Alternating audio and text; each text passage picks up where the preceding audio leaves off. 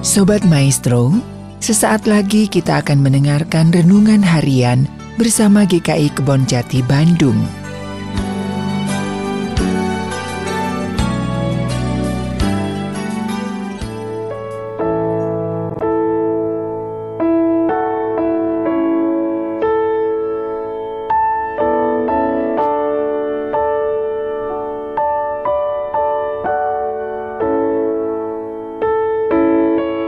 Saudara sekalian, jumpa kembali dalam renungan harian GK Kebon Jati hari ini. Tema renungan kita hari ini ialah jangan tidur. Bagian firman Tuhan yang mendasari renungan kita diambil dari surat 1 Tesalonika pasal 5 ayat 1 sampai dengan ayat 11 dengan pusat permenungannya diambil dari ayatnya yang ke-6 yang berkata demikian.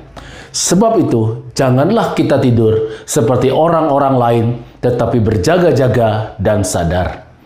Saudara sekalian, tidak ada seorang pun yang sanggup tidak tidur, bukan?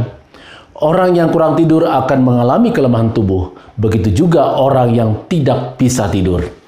Orang yang tidak bisa tidur, biasanya dokter akan memberikan obat tenang supaya ia bisa tidur. Tidur akan memulihkan keletihan tubuh kita seusai bekerja keras, seluruh saraf, otot-otot, dan seluruh keberadaan tubuh kita akan kembali pulih. Tidur bagaikan mobil yang mesin dimatikan sementara untuk didinginkan setelah melakukan perjalanan jauh. Setelah dingin, mobil itu akan berfungsi optimal dan dapat melakukan perjalanan jauh kembali. Saudara sekalian, bagaimana dengan ucapan Paulus dalam teks bacaan kita yang berkata jangan tidur? Apa maksud ucapan Paulus ini? Apakah Paulus melarang kita tidur? Ayat ini tidak berbicara mengenai tidur atau beristirahat yang sangat diperlukan untuk kesehatan tubuh kita. Kata tidur di sini menjelaskan tentang perjalanan kehidupan kita sebagai anak-anak Tuhan agar terus berjaga-jaga, siap sedia dalam menantikan kedatangan Tuhan Yesus yang kedua kali. Kata tidur dalam teks bacaan kita hari ini menunjuk kepada sikap lengah, tidak awas, tidak waspada, tidak sadar dalam menantikan kedatangan Tuhan. Saudara sekalian, Tuhan Yesus pasti akan datang untuk kedua kalinya dalam dunia ini. Ini sebuah kepastian. Hanya kita tidak tahu kapan waktunya Tuhan akan datang kembali.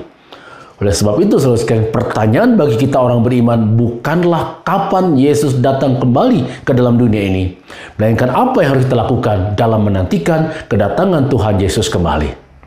Apa yang harus dilakukan dalam menantikan kedatangannya kembali, saudara sekalian, agar kita termasuk orang-orang yang berjaga-jaga, bukan orang Kristen yang tidur. Yang pertama, tetaplah bersikap sebagai anak-anak terang di dalam Tuhan. Itu dikatakan pada ayat yang kelima. Dalam menantikan kedatangan Tuhan, mari kita perlihatkan sikap dan perbuatan yang benar di mata Tuhan dan sesama kita. Jadilah terang bagi kehidupan bersama. Yang kedua, Berbaju sirahkan iman. Artinya mari kita jadikan iman kita kepada Tuhan sebagai dasar untuk menghadapi berbagai macam tantangan kehidupan selama kita hidup dalam dunia ini. Itu dikatakan pada ayat yang ke-8. Saudara jangan biarkan iman kita goyah apalagi dikalahkan oleh berbagai macam godaan. Iman kita kepada Tuhan harus membuat kita tetap waspada, berjaga-jaga, sehingga tak tergoyahkan dalam mengikut Tuhan. Yang ketiga, hidup yang berpengharapan. Itu dikatakan pada ayat ke-8. Mengapa penting tetap hidup berpengharapan di dalam menantikan kedatangan Tuhan? Karena tanpa harapan, orang tidak akan punya gairah dan semangat hidup. Hidup tanpa harapan adalah hidup yang tanpa arti. Saudara sekalian, mereka yang berpengharapan akan tetap teguh melangkah menjalani hidup dengan berbagai macam tantangannya karena yakin bersama dengan Tuhan jeri lelahnya tidak akan sia-sia. Mereka yang berpengharapan akan tetap menjaga imannya kepada Tuhan agar tetap kuat. Yang keempat, hidup yang saling menasehati dan saling membangun satu terhadap yang lain. Itu dikatakan pada ayat yang ke-11. Tidak seorang pun yang dapat menjaga kehidupan ini dengan kuat seorang diri. Setiap orang membutuhkan kehadiran orang lain untuk meneguhkan perjalanan hidupnya dan kehidupan berimannya saling menasehati dan saling membangun dalam hal baik di dalam keluarga dan dalam persekutuan umat di gereja akan sangat bermanfaat dalam menjalani tantangan kehidupan di masa menantikan kedatangan Tuhan Yesus yang kedua kali.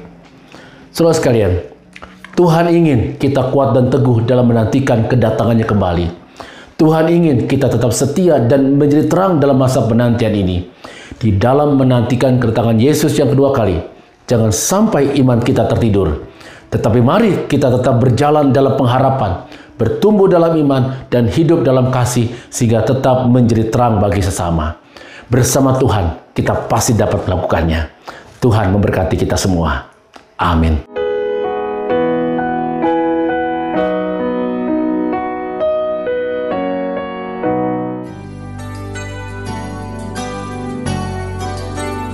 Sobat Maestro, baru saja Anda mendengarkan renungan harian bersama GKI Kebon Jati Bandung.